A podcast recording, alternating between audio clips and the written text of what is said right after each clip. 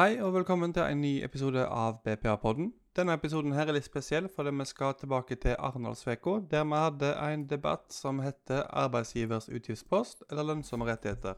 Den skal du få høre nå. God fornøyelse. Det skal handle om sysselsetting i dag, og samfunnsøkonomi.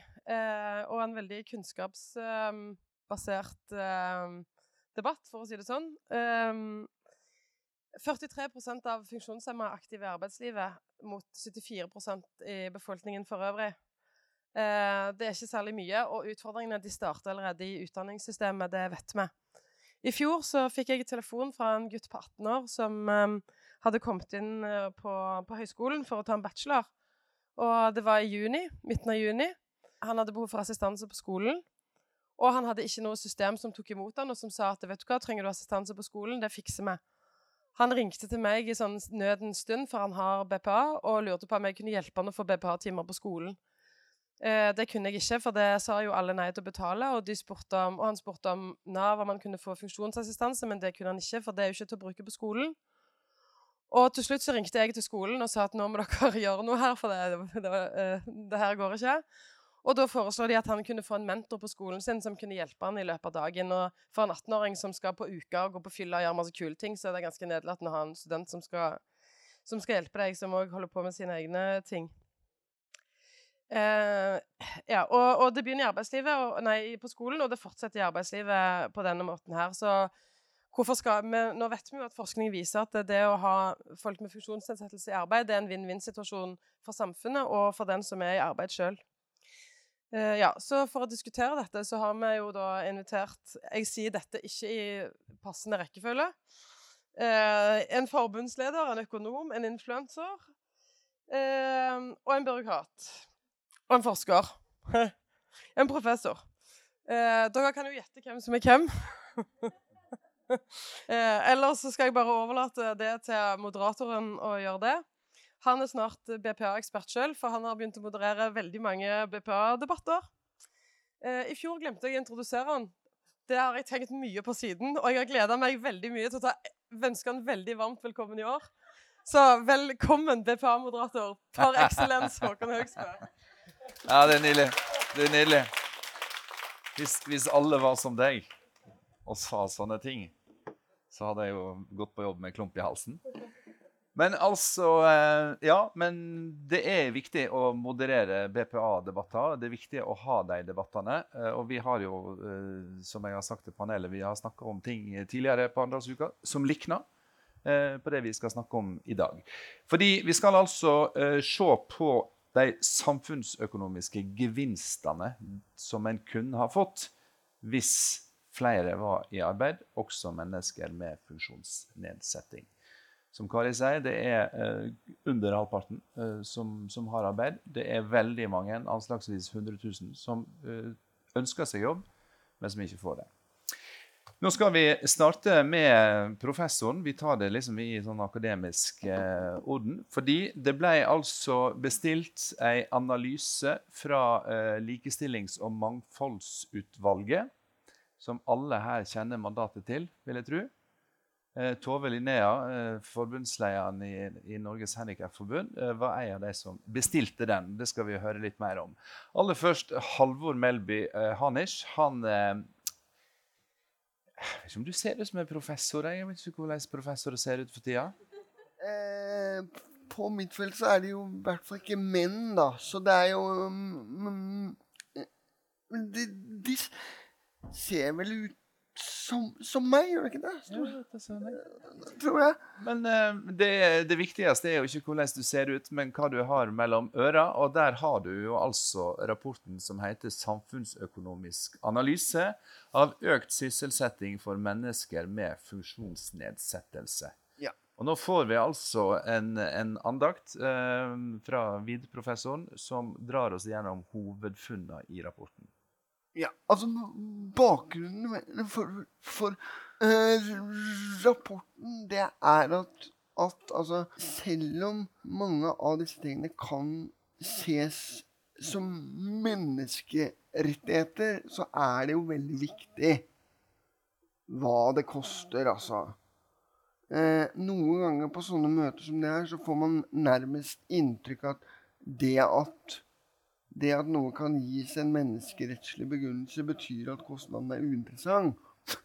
Og det er nok å dra på litt. Så vi, vi har altså eh, gjort to ting. Vi, vi, vi har, har, først forsøkt å måle hvilken samfunnsøkonomisk nytte det ville hatt hvis enten 15 flere i, denne gruppen ble sysselsatt, eller, eller hvis sysselsettingen økte med 50. Eh, det vi, vi finner eh, i begge de, det er jo at det er mange Det er eh, så store Altså uh, Avhengig av regnemåte så tjener samfunnet ca. 800 000 alt i alt per år på at én av disse personene som vil jobbe og ikke jobber, gjør det. Uh, det handler dels om de pengene de selvfølgelig vil eh, altså skape ved arbeidet, men det handler også om, som vi vet gjelder for alle, at helseeffektene av å være i arbeid er ganske store. Sånn at de mange av de folkene i den målgruppen vi snakker om her, som ikke er i arbeid, de de eh, får et mye dårligere liv enn de ellers ville hatt. Og det er ikke bare synd for dem, altså. Det har, det har negative effekter for samfunnet, for alle. Eh, og eh, Men nå snakker vi jo om hva det er verdt for samfunnet. Og i og, med at Kari innledet med at utdanningssystemet ikke tilbyr det, så, så mener jo vi at en av grunnene til at dette ikke gis mer, er jo at altså, Her snakker man om lønnsomhet av flere typer. Altså, for en utdanningsinstitusjon så lønner det seg ikke. For den aktuelle kommunen eller bydelen så lønner det seg ikke. Men det lønner seg for fellesskapet derfor er det på en måte hovedkonklusjonen vår at det Altså, når disse tilbudene ses på som på en måte Altså luksusgoder, da, på en måte, ikke sant? Eh, så bygger det, og i og for seg med rette, eh, på at det er veldig dyrt i det enkelte tilfellet, i det enkelte menneskes liv.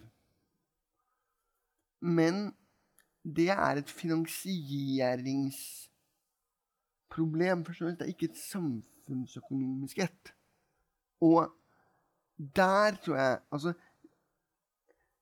Vår hovedkonklusjon er på en måte at eh, Det er akkurat i den forskjellen der at vi har en synliggjøringsjobb. Eh, og, så, og ville jeg bare sånn innledningsvis eh, nevne da, at de Altså eh, De forskjellene vi begynte med, at at eh, sysselsettingen er veldig mye lavere. Altså, de er veldig faste. Eh, på 20 år så har de nå ligget helt fast. Eh, og det er det internasjonale bildet også.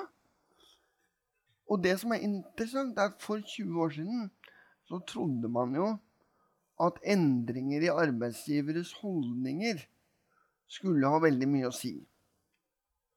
Kunnskapsstatus nå, både Norge og internasjonalt, er at arbeidsgivere har betydelig mer positive holdninger enn de hadde, det hjelper ingenting. Altså, altså, vi klarer ikke å se på samfunnsnivå at, at endringene i holdninger har noe særlig å si for sysselsettingsratene. Og det også taler for at den type tiltak som vi har undersøkt her, er viktigere enn man trodde før, fordi alternativforklaringen, da, kan du si, altså holdninger, fordommer er svekket. Det var på en måte det jeg tenkte å si om det vi har skrevet, av det vi har gjort. Du skal jo virkelig få slippe til senere, Halvor. Men la oss bare oppsummere og klargjøre eh, matematikken i dette. Ja. For det jeg hører du si, er at beregninga viser at samfunnet eh, kan altså eh, tjene skråstrek spare 800 000 per individ. Og det handler da både om verdiskapinga, selvsagt, eh, og det handler om å redusere utgifter pga. uhelse. Er det, er det lagt inn noe skatte, skatteinntekter der, eller Eh, skattebidrag? Ja, eh, men i det, i det tallet på 800 000 så ligger det at, at vi har estimert at, at, de, at en del av de som kommer i jobb, likevel går av med pensjon litt tidligere enn snittet. Fordi eh, vi har vært veldig opptatt av at hvis, altså, hvis vi ikke er konservative og forsiktige, så blir ikke dette trodd. Så vi, vi mener vi har vært ganske forsiktige.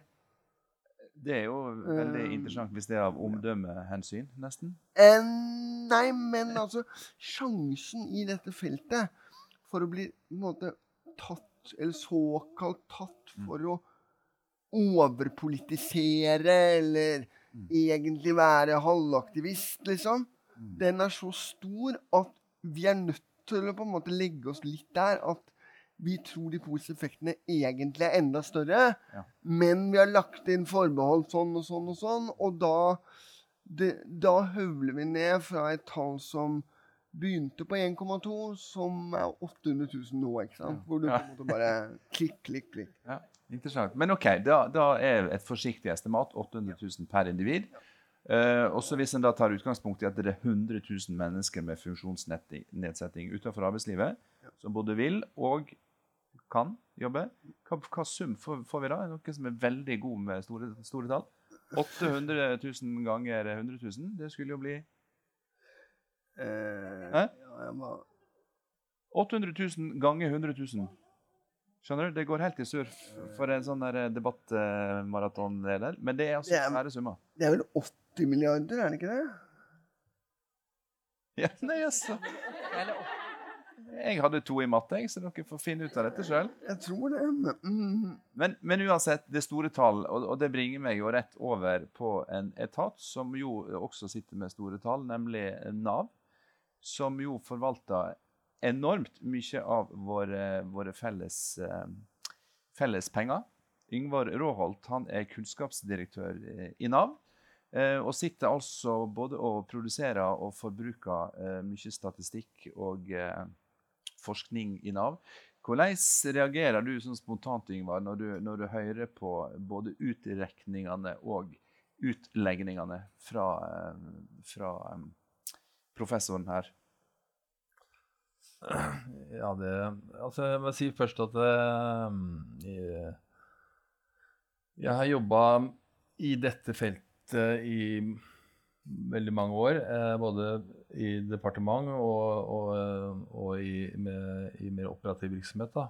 Og kjenner jo på liksom, de, de utfordringene som man møter på her. Da, for det, jeg er ikke her for å forsvare Nav på alle mulige områder og, og ting sånn. Men altså, dette er, jo, dette er jo litt gjenkjennelig. Uh, og, og jeg jobba mye med både det å både skaffe penger, eh, samordne sektorer, eh, tenke på tvers, sånn som dere etterlyser. ikke sant? Eh, det er veldig gjenkjennelig. Uh, og og, og, ehm, eh, jeg, jeg har uh,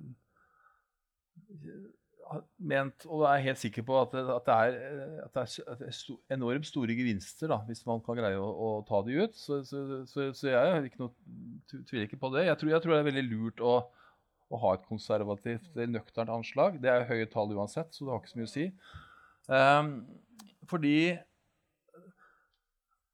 vi møter på Det, liksom, det- som er liksom fortvilende med sånne ting som går på tvers, da, det er at det, liksom, det å få hendene rundt det og så få til en endring. For disse her, er liksom, her har du ulike sektorer, ulike prinsipper som er bygd opp, som fungerer til dels inne på sine områder veldig godt.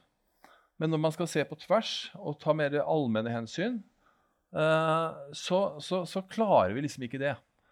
Og det, det, så det er veldig, jeg synes det er veldig gjenkjennelig. Og, og, og det er, jeg, ikke, jeg, har ikke noe quick fix på det, men det iallfall jeg har lært meg ut fra, Jeg har bare veldig mye med samordning mellom eh, både stat og kommune. Eh, vi har jo Nav-kontor, vi har partnerskap. Man kunne tenke seg at det eh, gjorde at man så ting mer på tvers. Eh, liksom, og det gjør man jo bedre enn man gjorde før. Men vi ser allikevel, til tross for det, at det er ting som da hvor liksom staten har ett ansvar, kommunen har ett ansvar, så er det underforbruk. Eh, og, og, og det, er mange gode grunner til å legge, legge finansieringsansvar til kommunene med det ansvaret de har. Altså, jeg, jeg, tror ikke nødvendigvis at det, det, er noen som tenker at staten kan ta over alt. Men løsningene må uansett produsere til en kommune, for det er så sammensatt. Så det bør ligge der. Men det, vi ser jo det på mange områder, at det, vi har de samme, samme utfordringene. Ingvar, eh, Nav oppsto jo etter en eh, velferdsreform, arbeids- og velferdsreform. Ja. Eh, som hadde til hensikt nettopp å sørge for at ulike eh, sektorer, ulike etater, eh, ulike forvaltningsnivå jobber sammen til det beste for innbyggerne og for samfunnet. Og så sier du at eh, problemet er sektortenkningen. Mm. Eh, og en kommune som ikke ser seg tjent med å innvilge en BPA-søknad, bidrar såleis da til å tappe storsamfunnet for ressurser. Ja. Og det, ja, altså jeg mener at vi, man, det, på, på, på, eh, et stykke på vei så, så, så mener jeg at uh, de tjenestene som normalt ligger i et Nav-kontor, de er mye bedre samordna. Så man trenger ikke få henvende seg til tre forskjellige personer. Det er én liksom person som sitter normalt av de fleste kommunene. Men så er det en del andre ting som, som, som er akkurat samme type utfordringene. Og det som i fall, det som jeg, Hvis vi skal gå til f.eks. til et departement eh, Jeg har kommet med mange eh, ting, sånn som dette, disse forslagene her, men også andre, som vi tenkte at liksom, her er det enorme penger å spare. Eh, det, tenker man, Da blir det jubel. Det, det, blir det jo ikke. det gjør det ikke. ikke sant? Da, å, skal vi begynne med det nå, da? ikke sant? Og så øh, øh, og, da, og, det som, som Det å legge fram gode utredninger, øh, dokumentere godt og, og liksom, satse på forskning, hva virker mm. Altså, Hvis du ikke har det med deg det, altså, Jeg mener dere har veldig mye av det, altså, det er ikke det, men, men det, altså, det, hvis man ikke har det, så kommer man ikke videre. Uh, I det hele tatt. Men altså Og, og, uh, um, og det, det, som er altså, også, altså, sånn Det er veldig store forskjeller mellom kommuner. Uh, vi, har det, vi har det, på, på liksom, mange andre områder også, hvor, et, hvor, kommunen har et ansvar. Liksom. Det, er, det, er, en sånn skjæringspunkt hvor staten har ansvar for, kommunen ansvar for. Og så er diskusjonen ofte da Skal vi øremerke disse midlene? Den diskusjonen har vi hatt med alle Jeg lurer på om vi bare skal spare det poenget. fordi ja.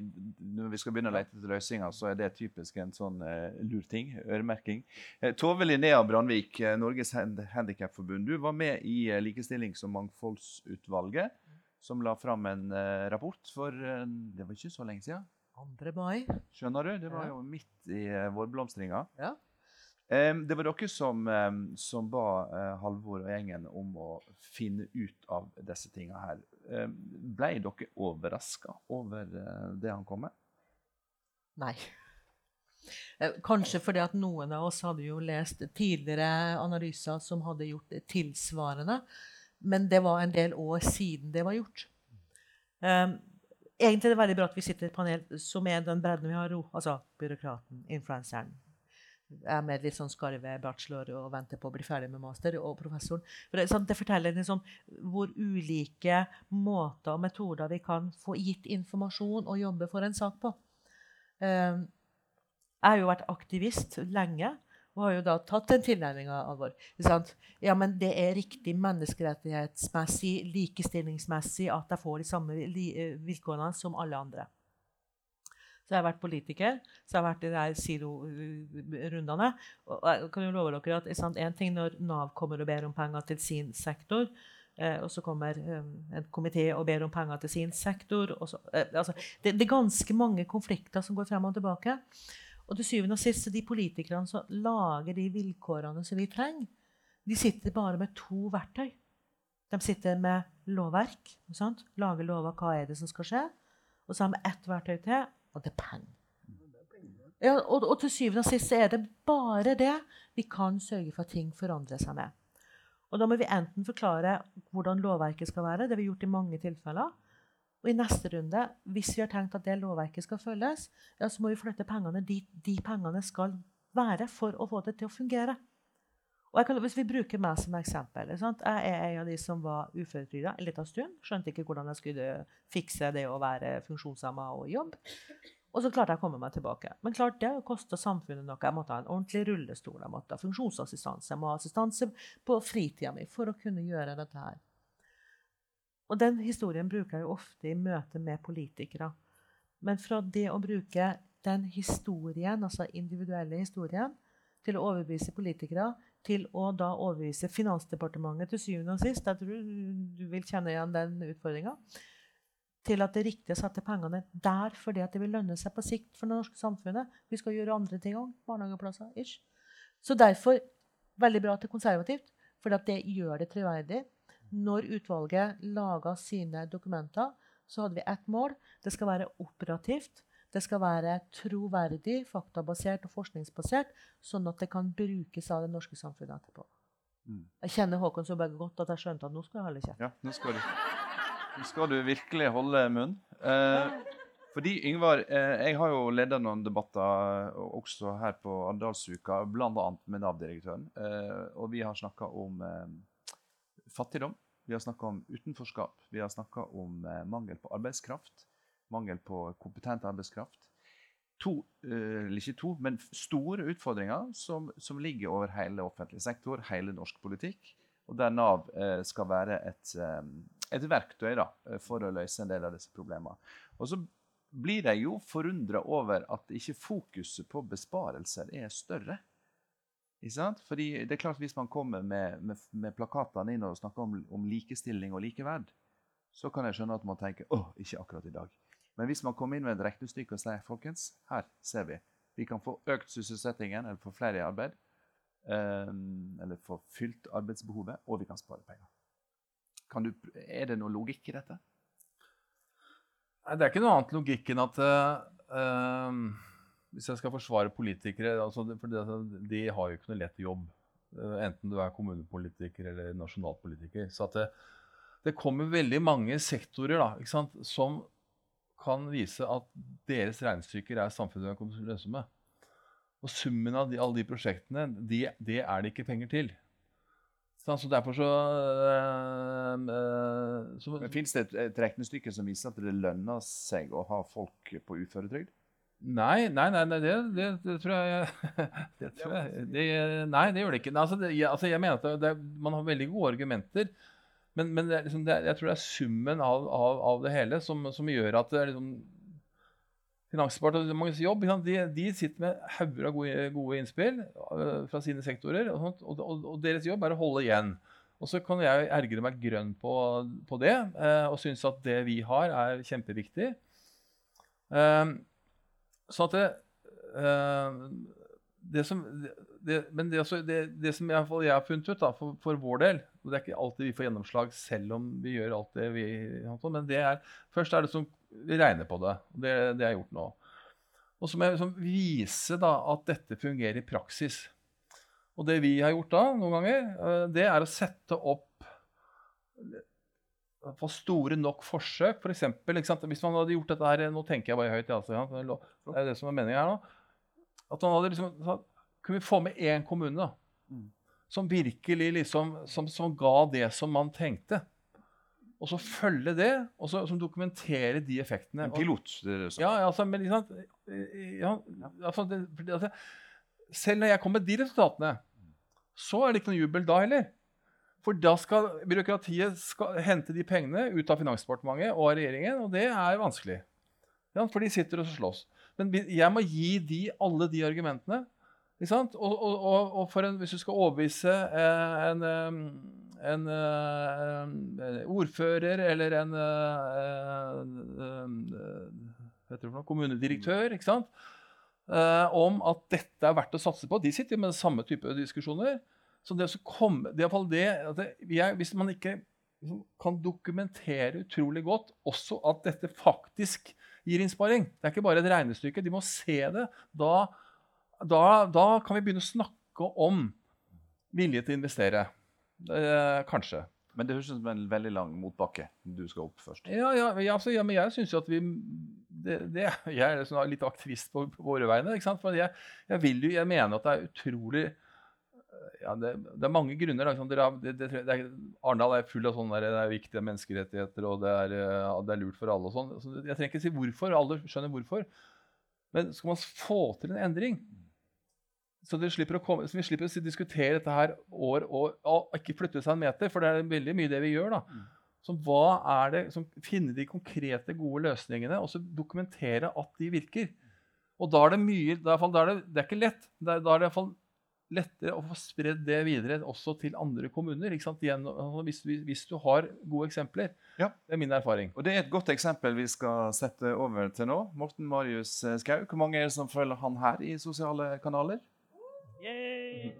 Sant? Han er jo er ikke den som ikke gjør det. Em, Å få til endring eh, skal vi snakke om nå. Eh, først skal du fortelle oss eh, hvordan du kom deg til Arendal. Noen er jo veldig opptatt av å reise miljøvennlig. og, og sånn. Jeg har ikke møtt folk som skammer seg over at de måtte fly til Kristiansand og ta bussen hit. Hvordan kom du deg til Arendal? Jeg trilla, da. Mm. I rullestolen. Hvor lang tid brukte du? Ja, to uker, da. Så ja, Ikke så tidssparende, var det ikke. Men veldig miljøvennlig. Men. Hva var prosjektet? Nei, Prosjektet var å samle inn penger til noe som heter Sunnaas-stiftelsen. Eh, opprette Splice Fly. Og så var det egentlig bare å trille og spre det i sosiale medier. Og håpe at folk eh, så at de gjorde det for en god sak, da. Ja, Mm. Veldig bra. Velkommen, holdt jeg på å si. takk. Bra du kom fram. Morten Marius, eh, heretter kalt Morten. Eh, vi snakker altså om gode eksempler. Vi snakker om å skape endring og få ting til. Eh, du er jo virkelig et eksempel på en som både har skapt eh, endring i eget liv og fått ting til, men ikke så veldig mye på grunn av, mest på tross av. Eh, og så var vi innom dette med utdanning, som jo er en sentral del for å komme inn i arbeidslivet. Det er å ha papirene i orden. Eh, du bestemte deg for å bli lærer, og eh, skulle søke deg til Oslo OsloMet. Eh, og der møter du eh, den første hindringa, ikke i form av dørstokker, men i form av regelverk. Hva er det det handler om? Ja, det er veien fra Jeg var ferdig på videregående til jobb. Den, den var ganske lang. Og jeg òg var litt lurte veldig på hva jeg skulle gjøre. For jeg ble skada da jeg var 16 år, midt på i, jeg gikk på videregående. Så jeg gikk jo ut av videregående med ikke så veldig Ja, det var mye rart, da. Jeg hadde ikke beste karakteren jeg jeg kom derfra. Jeg må ta det først. Eh, for eh, jeg husker da jeg var ferdig videregående, så ville jeg jobbe, absolutt. Og jeg var i samhandling med Nav om det, da. Eh, vi hadde litt arbeidsintervju, eller jeg var på noen jobbintervjuer og sånt, men jeg hadde jo ikke noe utdanning. Og det var egentlig det de fleste av de sa, at jeg måtte ha en utdanning hvis jeg skulle jobbe nå. Spesielt liksom, jeg kan ikke bidra med så mye fysisk. Og jeg, jeg var ikke så veldig interessert i det rett etter videregående. Jeg var litt lei skole. Så husker jeg Nav kom med sånn tiltak til meg. Eh, jeg, jeg husker ikke hva det het, men de hadde, det er sånn du egentlig du kommer og jobber uten å få noe mer betalt for det, noe dere hadde ordna. Arbeidspraksis. Ja, sikkert. Jeg husker jeg kom dit eh, eh, første dagen, åpna opp døra. Altså, nå høres jeg veldig slemt ut, men jeg tror de skjønner hva jeg vil fram til. Der møtte de meg ti-tolv stykker med Downs syndrom som satt og malte glassmaling på glass. Uh, og jeg har ikke noe mot de, men jeg følte at det var ikke helt Det var ikke det jeg ville. Så det funka på en måte. Jeg skjønte at jeg måtte ta en utdanning for å komme meg ut i jobb. Så det, sånn sett funka det jo. Men jeg, jeg snudde i døra og skjønte at faen, altså, jeg må, må ta, tak- ta tak i ting sjøl, da. Uh, og da uh, skulle jeg søke uh, Jeg tok opp noen fag, da, og det gikk egentlig ganske fint ved hjelp av Nav. Og så skulle jeg søke på Oslo uh, og da hadde jeg lite Da kan du søke på noe som heter 23-5-årsregelen. da. Du har fylt eh, 23 år, og så må du ha fem års jobb eller utdanning. Og det hadde ikke jeg. Men jeg hadde nesten Jeg tror jeg hadde, tror jeg hadde, fått, hadde jobba litt, fikk noen jobb etter hvert og hadde jo tatt opp noe fag. og sånt, så jeg tror jeg endte opp på sånn tre år totalt. Men det var ikke nok da, for å, for å komme inn på den 23-5-årsregelen. Uh, men, men du kunne få liksom, eh, liksom litt fritak fra de fem årene hvis du hadde en funksjonsnedsettelse. Og det hadde jo jeg. Men da måtte du være 100 ufør. Og det gir jo ikke helt mening, da. Hvis du er 100% ufør, så har du ikke så jævlig mye bruk for en utdanning. Da, da er du ufør, da. Ja, men Det må du ta en gang til. Altså, For å få unntak fra regelen om eh, alder og praksis Ikke alderen, da, men fem ja, ja, Men altså, den regelen, så Mm. måtte du altså da være 100 ufør. Ja, på Oslo Met uh, måtte du i hvert fall det, da. Ja, det, Så da, jeg hadde, var ikke ufør heller, da, for jeg var i arbeidsretta tiltak. Eh, så jeg måtte finne fram noen papirer fra Gjensidige, min eh, ulykkes, eller ulykkesforsikringen min, som hadde liksom beregna meg til 90% ufør. da. Så var det jeg fikk utbetalt i trygd, å bruke det. Så de var ikke helt sikre på hvor, liksom Men det var ikke nok, det var ikke nok da. Så jeg hadde en vanvittig kamp der, da, med å, å komme gjennom på den måten der. Og det, da husker jeg, da var det mye frustrasjon, på en måte. Uh, og jeg så mørkt på den perioden der. Det er liksom, jeg måtte ligge og tenke på de tingene der i natt. Jeg glemte alt det. For jeg liksom jeg, Ja, men uh, Men du, i, i tillegg til alle de fysiske hindringene på Oslo Met og Ja. styret der, det, det kan vi bare nevne at det også selvsagt eh, var krevende. Men det hadde det kanskje vært om du hadde tatt en annen utdanning også. Men du møter altså det, det hinderet der for å få en utdanning som til slutt ga deg jobb. ja, ja, ja. Sant? Du har jo vært lærer, Mm. og du har fått eh, assistent til å kunne være lærer. Ja, på, på, det skal si at da jeg begynte på, først kom inn på skolen, da, så var det, det var som sa, mye fysiske utfordringer. Eh, blant annet campus var stort. Eh, må bevege meg mye. Og jeg husker bare en gang jeg kom det en time, og den var i en etasje hvor det ikke var heis til, og hele gjengen måtte flyttes og alt mulig. Og så var det også sånn Jeg husker det var sånn halvt år ut i studiet, så ringte kommunen, min gamle kommune der jeg kom fra, og ringte meg og sa at eh, du har jo flytta og begynt på skole, så du kan ikke For jeg hadde BPA da gjennom min gamle kommune, så jeg mista BPA-en min. eh, og var da uten BPA i fire måneder, tror jeg. Eh, nå brukte jo ikke jeg den på skolen, men det gikk utover hjemmet mitt. Det var ikke så ryddig hjemme. De så, så ikke helt bra ut hjemme deres. Men, uh, men det gjorde absolutt også ting tyngre for meg da, for da måtte jeg plutselig uh, ta tak i hjemme og begynne å styre med de tingene der sjøl også, da. Og mista mye uh, Ja. trening og masse sånt. da. Ja. Så har du vært lærer. Nå jobber du i MIO, Ja. eh, som eh, du driver med noe du er veldig god på, nemlig sosiale medier. Mm. Verdien av eh, å ha et arbeid Nei, det er jo det jeg, altså Etter jeg skada meg, så var det egentlig det jeg jobba med hele veien. Det var liksom hovedmålet mitt. Det var først å bli selvstendig, og så var det å komme seg til jobb. Så var det en lang prosess. Det var liksom det jeg jobba mot uh, i mange, mange år. Og var det på en måte som gjorde at jeg sto opp om morgenen. Så når jeg først har fått det, så er det jo det er helt nydelig. Uh, men ja, nei, det er, det er dritviktig for den psykiske helsa, uten tvil. Ja. Og du er jo kjent som eh, en fyr som er konstant blid. Eh, Halvor var litt redd for at eh, du skulle bli han blide, og han skulle bli den gretne. Men jeg, eh, syns det balanserer seg fint. Men hvordan tror du at din eh, mentale tilstand hadde vært hvis du ble gående? Du ble jo ikke gående, men hvis du hadde blitt værende utenfor jobb og blitt uføretrygda? Nei, det hadde vanskelig. Altså, Jeg var jo sagt eh, mange år i Østfold. Det var jo flere år jeg var uten jobb der og ikke visste hva jeg skulle gjøre. Og jeg ble ikke deppa, men det var litt mening i hverdagen. Det var det jo. Alle venner forsvant jo. Jeg studerte, og jeg satt igjen litt aleine og jeg ante ikke hva jeg skulle gjøre. Det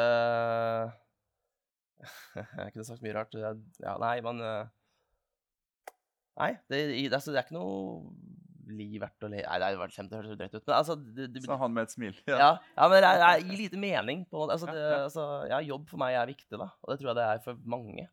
Det merker man jo alltid når man blir sykemeldt, eller et eller annet, hvor mye man savner tilbake til jobben. Det er sånn, Kan være litt lei jobben, men eh, jeg tror alle er veldig glad i at de, for at de har en jobb. Men da lurer jeg på, med, med den harangen jeg hadde om alle utfordringene i vårt samfunn på alle plan, hvorfor er ikke dette perspektivet her, og det vet jeg, dette går ikke inn i Excel-ark, men hvorfor er ikke dette perspektivet mer til stede eh, når man leter etter løsninger, og når man utformer politikk? Jeg begynner med aktivisten først. Fordi at vi har deltid, altså, vi har jo ulike forvaltningsnivå, vi har ulike ø, områder i samfunnet som har ansvar for ulike ting. Men det er veldig få plasser. Men plasser alle er jo opptatt av å redusere Ja, ja, alle sammen. Altså, jeg har ikke truffet en politiker som synes at det er dumt at funksjonshemma kommer i jobb. Og jeg har ikke truffet en eneste politiker som syns det er dumt at folk får oppfylt sine menneskerettigheter. Men, men utfordringen er at vi skal få alt det flettverket og system til å henge sammen. Lover, eh, oppgaver. Og det er jo da vi er nødt til å være, vi som aktivister òg, altså, og som pådriver er òg nødt til å være litt sånn kloke. Hvordan kan vi hjelpe til å vise frem? Det var derfor vi bestemte oss for å bestille. Her, her er fakta som Nav kan trenge. Når de skal overbevise neste, så kan vi kanskje påvirke til å ta et pilotprosjekt. Altså, sånn at vi kan bidra til å, opplyse, informere. For det handler, jo ikke, handler jo ikke om at uh, norske politikere vil at funksjonshemmede i Norge skal ha det fryktelig dårlig. Men de klarer ikke å se hvordan kan vi sette sammen det vi har å bidra med, sånn at det funker. Mm. Bare bruke, for du sa, eh, når du starta i dag, så sa du at uh, Arendalsuka, og så har det ikke nytta. Det er noen år siden så holdt vi på med et prosjekt og skulle ha en eh, lærling inn i arbeid. Og den læringen skulle ha funksjonsassistanse. Et genialt verktøy. Men så oppdaga vi det at akkurat lærlingeperioden den var unntatt. Den fikk du ikke lov til å ha funksjonsassistanse. Du kunne ha det før og etter, på skolen og i jobb, men ikke når du tok læretida di. Og så klarte vi i løpet av Arendalsuka å løfte den debatten. Så snakka vi med Nav, så snakka vi med politikerne. Og det var jo, også, Dere vet jo tidspunktet for Arendalsuka. Når han starta i september i jobb som lærling, så var det på plass. Altså, for, ja, men vi klarte å dokumentere, klarte å synliggjøre, dokumentere, vise hvordan det kunne gjøres. Og det er jo egentlig det vi må bli enda flinkere til å jobbe sammen om. Derfor er vi avhengig av forskningsmiljøene som gir god forskning, snakke med Nav. For det er veldig mange aktører i Nav som er veldig på vår side. Eh, Når dere ba om en rapport på samfunnsmessige gevinster, var det fordi skal vi si, de utrekningene og de tallene ikke fantes? De var gamle, utdaterte, så vi ble møtt. De sa at ja, men det er ikke sikkert at det er sånn i dag, og verden har forandra seg siden sist. Da tenker vi ok, vi møtes ofte med at det er så dyrt, og det koster penger, vi skal flytte vind og budsjett og sånne ting. Ok, ja, men da må vi vise at det lønner seg, da. Da må vi ta den oppgaven. Og så prioriterte vi faktisk alle pengene det utvalget hadde, prioriterte vi til å lage denne rapporten. Det er nok én grunn til, tror jeg, til at man altså ikke gjør de investeringene. Jeg, jeg tror også, også, at altså, Her snakker vi jo om tjenester som man gir til enkeltpersoner. Og altså, det, det virker på meg som at man, man, er av og til veldig redd for å gi sånne tjenester mer enn man burde. Mm -hmm. eh, og, og det, det, eksisterer en del steder veldig sterk uro for at hvis hvis noen på noe tidspunkt skulle få noe som det kanskje ikke var helt nødvendig, så vil velferdsstatens legitimitet på en måte kollapse. Og, og, og det tror jeg ikke den vil, altså. Det er, det er helt sikkert riktig, som jeg tror en del går rundt og mistenker, at det fins folk som har Altså det fins enkelte som har større BPA-vedtak enn de nødvendigvis måtte trenge. Kanskje fins det fem sånne personer i Norge, kanskje. Det kan jo hende. Eh, det kan hende. Ja, det kan hende. Det kan hende. Vet du hvor de bor? Eh, nei, men, men jeg, noen, noen, er jo flinkere operatører i dette systemet enn andre. Men det er ikke et godt motargument mot dette. Men jeg tror at no, på dette området og en del andre velferdsstatsområder, så tror jeg en del av hinderet er at man er litt for redd for det. Altså, eh, kanskje må man leve med da, at hvis, hvis 30 000 får noe de trenger, og 20 personer får for mye av det, så ja Well. Altså, det gjør jo ikke så mye tenker jeg. Vi hadde en debatt uh, i går som uh, eh, handla også om uh, eh, BPA, men som handla om skal vi si, alle som ikke har BPA, eller som har fått det. Det gapet mellom regjeringens beregninger da ordningen ble innført, og hvor mange som faktisk har det. Så det er liksom 10 000 rettighetshavere som man ikke vet hvor er. Eh, og Da snakker vi Yngvar, veldig mye om nettopp det at når en ikke har assistanse f.eks. Eh, til, eh, til syke barn eller barn med funksjonsnedsettinger, så fører det til at en må gå ned i stillingsprosent. Kanskje den ene forelderen må slutte å jobbe. Det kan føre til langtidssykemeldinger, og det kan få med seg mye helse. Så også der er det jo en, en regneskap som helt åpenbart går i minus. Fordi det sitter en kommune og ser på sitt budsjett, uh, men ingen ser på, på, på totalen. Eh, og så lanserte du, eller du var inne på liksom finansieringsmetodikken. Men altså, øremerking, sa du. Kan det tenkes at eh, en må gjøre noe med ansvarsplasseringa her?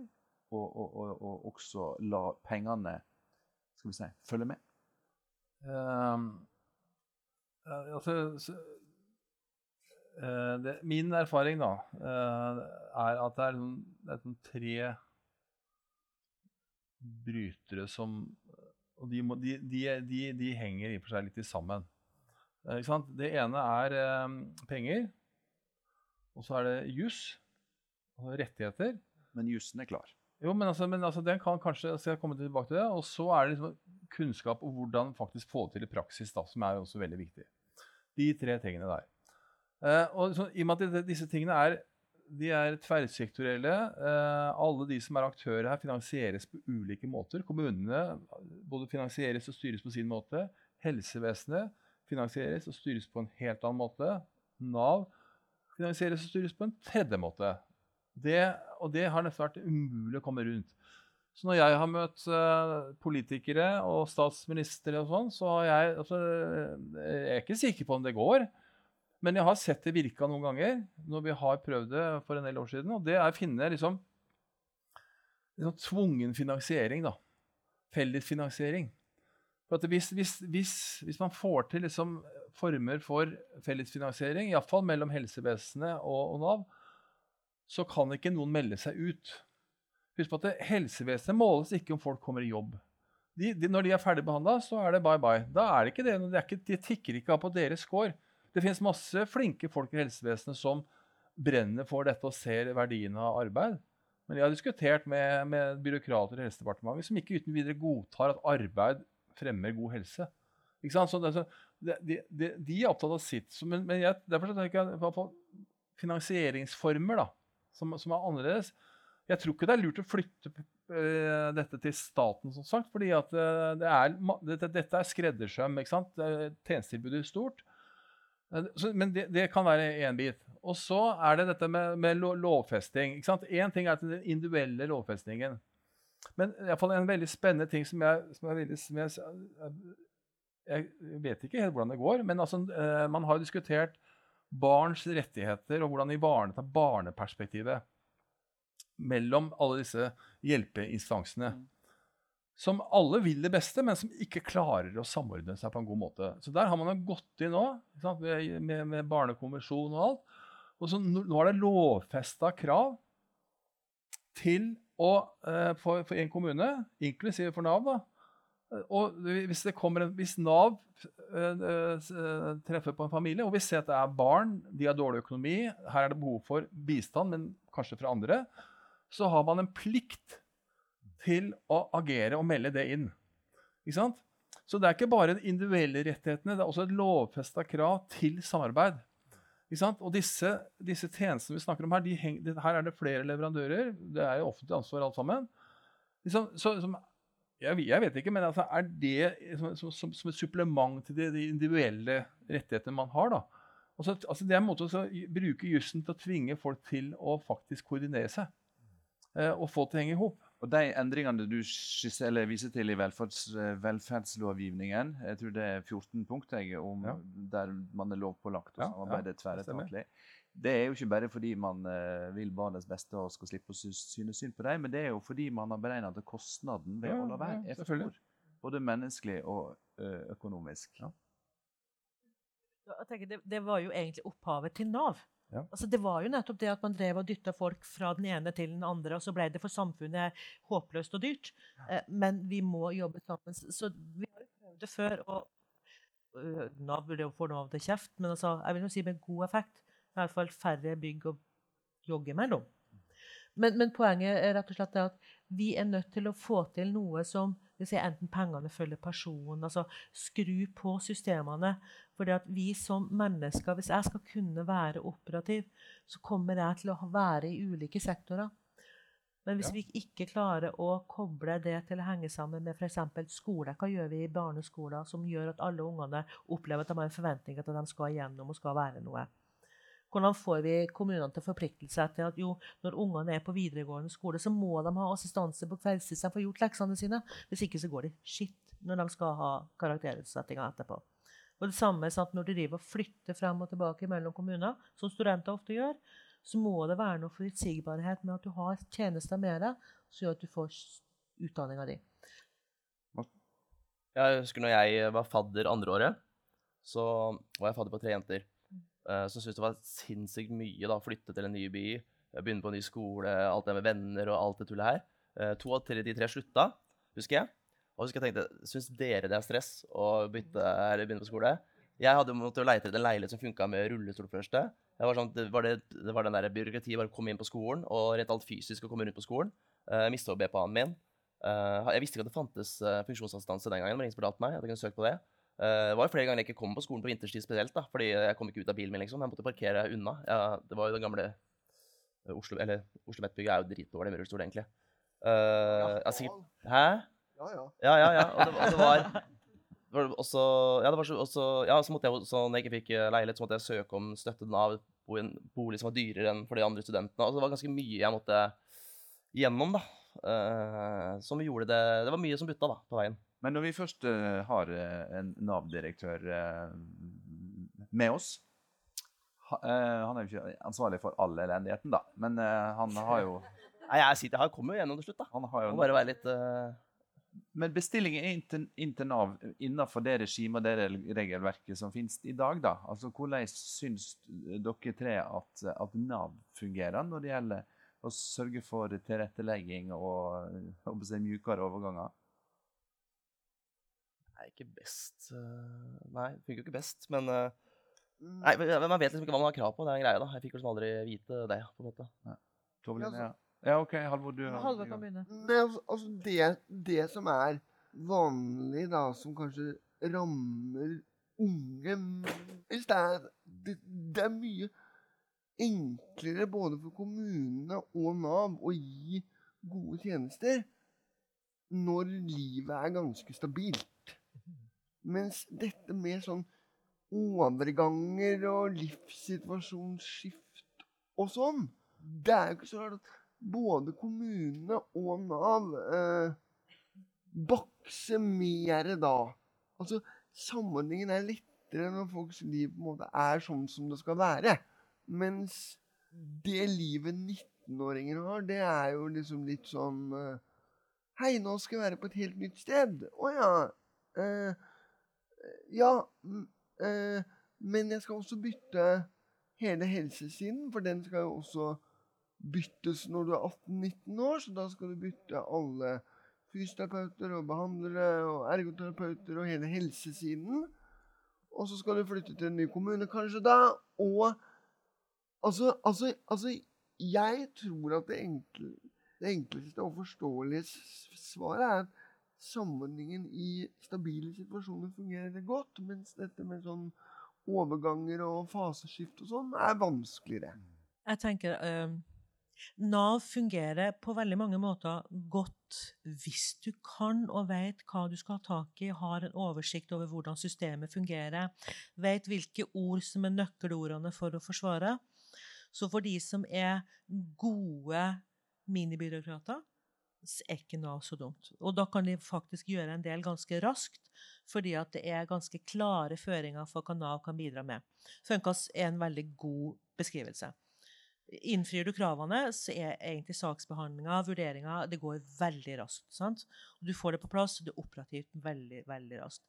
Men min store bekymring i forhold til Nav er altså 19-åringen som ikke har anelse om hvordan Norge er skrudd sammen, og egentlig ikke er interessert i byråkrati i det hele tatt, hvor får han egentlig en god veiledning til hva er mulighetene dine? da? Og Der opplever jeg at Nav og byråkratiet for øvrig er, er dårlige. På de som ikke kan, så er de for dårlige. Og det er en kjemperisiko, for hele poenget med Nav og systemene våre er jo at vi kan ikke forvente at folk kan alt. Og det er derfor vi har en offentlig forvaltning som skal sørge for at du loses igjennom. Så der hadde jeg ønska meg mer. Men jeg har lyst til å skryte av Nav, for de har veldig mange ting som f.eks. tekniske hjelpemidler, tilpasninger på arbeidsplassen, funksjonsassistanse. Det er en del ting som fungerer veldig godt. Og så må vi òg av og til hjelpe og krige for at de får lov til å beholde de gode ordningene som de har. Hjelpemiddelformidlinga, f.eks. med jevne mellomrom så er en del gode ordninger under press. Da er det vårt ansvar å krige for Nav igjen. Nå er det jo et dårlig, et dårlig tegn at hun som var hyra meg til å lede den debatten og stille dere gode spørsmål, hun har sjøl bedt om å få stille et spørsmål. Så jeg, jeg er litt spent på hva du skal si.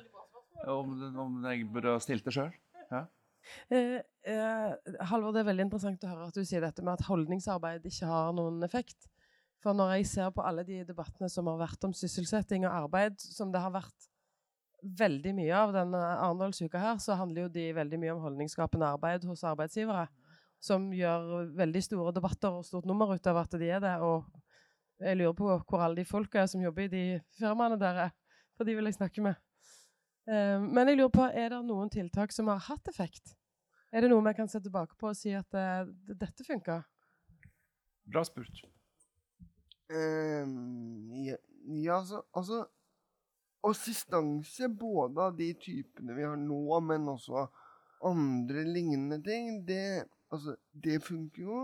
Eh, at lønnstilskudd for en del grupper fungerer, det er også ganske klart. Og det er også faktisk ganske viktig, fordi at noen funksjonshemmingsforskere og funksjonshemmingsaktivister som har enda dårligere humør enn meg, de, de, de antyder nærmest at lønnstilskudd på en måte er dårlig og stigmatiserende, og hvorfor skal arbeidsgiver betale mindre for dem, og bla, bla, bla.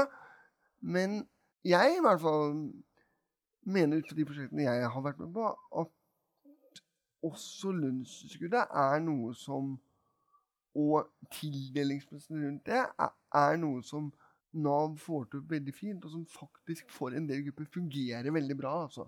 Og det er enkelt å forholde seg til, og enkelt å forstå. og Arbeidsgivere skjønner det.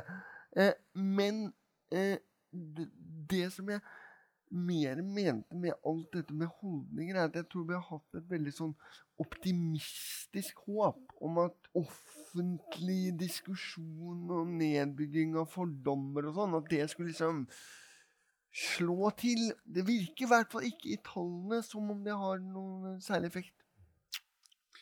Yngvar, eh, som representant for Nav, hvis du skulle sagt noe oppløftende da, til denne forsamlingen på tampen, som ikke er 'takk for fine innspill, jeg tar det med videre',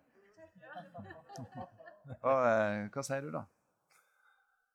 Eh, jeg tror i hvert fall at eh, altså, lysten til å prestere bedre på mange områder altså det er, jeg, jeg mener at Vi kan ikke være fornøyd med liksom, det samla tilbudet som gis på, på veldig mange områder. Er du foreldre Jeg kjenner flere som har uh, funksjonshemma unger, uh, og ganske funksjonshemma òg. Og det er som du sier, altså, De er ekstremt ressurssterke, så de, de brøyter seg i vei, da, men det er jo ikke enkelt. ikke? Og det, og det krever sitt. Og det, det skal jo ikke være sånn. ikke sant? Så, så, um, um, ehm, men det som jeg, jeg det, det, det som jeg ser er en liksom litt endring på nå, som jeg i hvert fall foreløpig tror at kan eh, litt, Det er en litt annen type tilnærming til mange av disse tingene vi har snakka om nå. Jeg synes tidligere, og jeg har holdt på med dette greiene her i årevis, det ser dere på hårfargen og sånt nå, ikke sant? Jeg var jo jeg hadde helt annen hårfarge før, og mye mer hår òg. men altså, det har vært det er liksom, Man sitter i Oslo, gjerne i et departement eller et direktorat, men ofte i et departement, og så lagde man ordninger som man trodde virka. Og så hadde inviterte man inn noen brukerrepresentanter og diskuterte, og så, og så på veldig nivå. Og så dunka man det ned, og så skulle det virke. Uh, uh, og det er sånn satt jo man og hver for seg, da, disse ulike sektorene og områdene. Nå er det en ganske annen måte som man driver utvikling av tjenester på.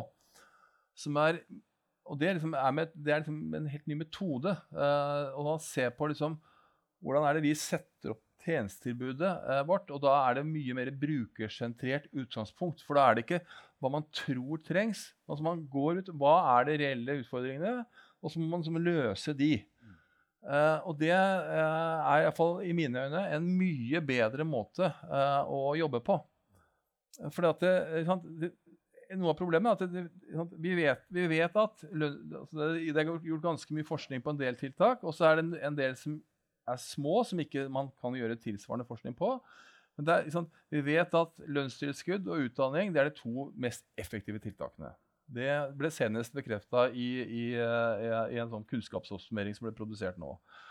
Og så er det i hvert fall veldig god grunn til å tro at, det, at disse ulike tilretteleggingstiltakene som man har da, på ulike måter, som man kan bruke, som kan både gå til funksjonsassistanse, til arbeidsgivere, tilrettelegging og sånt noe, også virker veldig godt.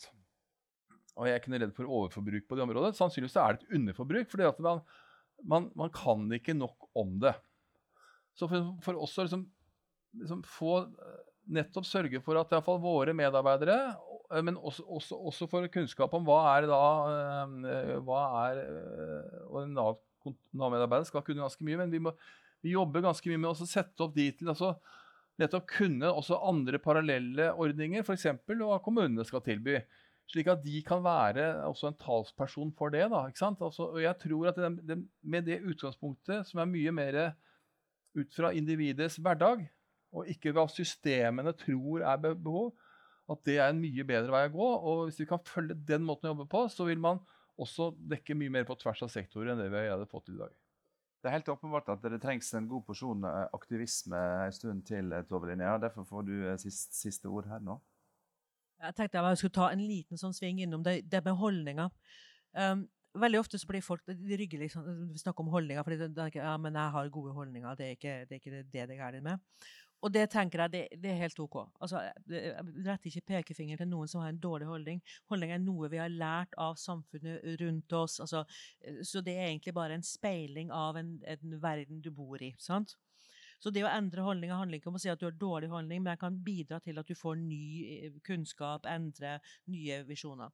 Og jeg er så dristig at jeg sier at når det gjelder likestillingsperspektivet, diskrimineringsperspektivet, når det gjelder funksjonshemma som gruppe, som diskrimineringsgrunnlag, så er vi skikkelig umodne. Vi ligger en plass på 50-tallet hvis vi sammenligner med kvinnefrigjøringstankegangen. Og jeg tror jeg har litt sånn forskningsbelegg for det, så kan Halvor få lov til å kveste meg etterpå hvis jeg ikke har eh, rett. Men Det var en forskning som gikk ut og spurte den norske befolkninga hva syns dere om eh, hvilke grupper som ikke skal diskrimineres i Norge. Bruk penger, bruk lovverk, men hvem skal ikke diskrimineres? Hvem kom på topp da? Jo, funksjonshemma. Egentlig burde vi ha sagt at ja, den norske befolkninga har fantastiske holdninger til oss som gruppe. Heldigvis så spurte forskerne et spørsmål til. For de spurte spørsmålet hvem tror du er diskriminert i Norge i dag? Og hva skjedde med funksjonshemmede som gruppe da? Jo, de raste i bunn. Fordi at når jeg ikke kommer meg på jobb, ikke kommer meg på bussen, ikke kommer meg på, gjennom skoleløpet, så blir ikke det av samfunnet oppfatta som diskriminering eller som noe som jeg burde hatt et legitimt krav på. Fordi at fremdeles så tenker vi at det er feil med deg, Tove. Vi kan jo ta røntgenbilde av deg og påvise og bevise at det er noe galt med deg. Det er ikke noe galt med samfunnet og strukturene. Så inntil vi kommer til at vi tenker at det er samfunnet som fikses, så har jeg tro på at holdningsarbeidet eh, virker. Men vi er himla umodne i forståelsen. Skal vi eh, si at det var dit vi kom i dag? Og så vil jeg jo tro Ingvar, at du, dette tar du jo med deg på jobben eh, på mandag. Det, det, tenker jeg du kommer til å gjøre. Så får vi eh, fortsette å jobbe med politikerne, da. Folkens, takk for oppmøtet. Jeg håper dere har hatt gode dager i Arendal og fått med dere mange gode og fine debatter. Og jeg håper også at dere øyner et lite håp her da, i, i den runden vi hadde her. At det, det er verdt å stå på, da. Takk for meg.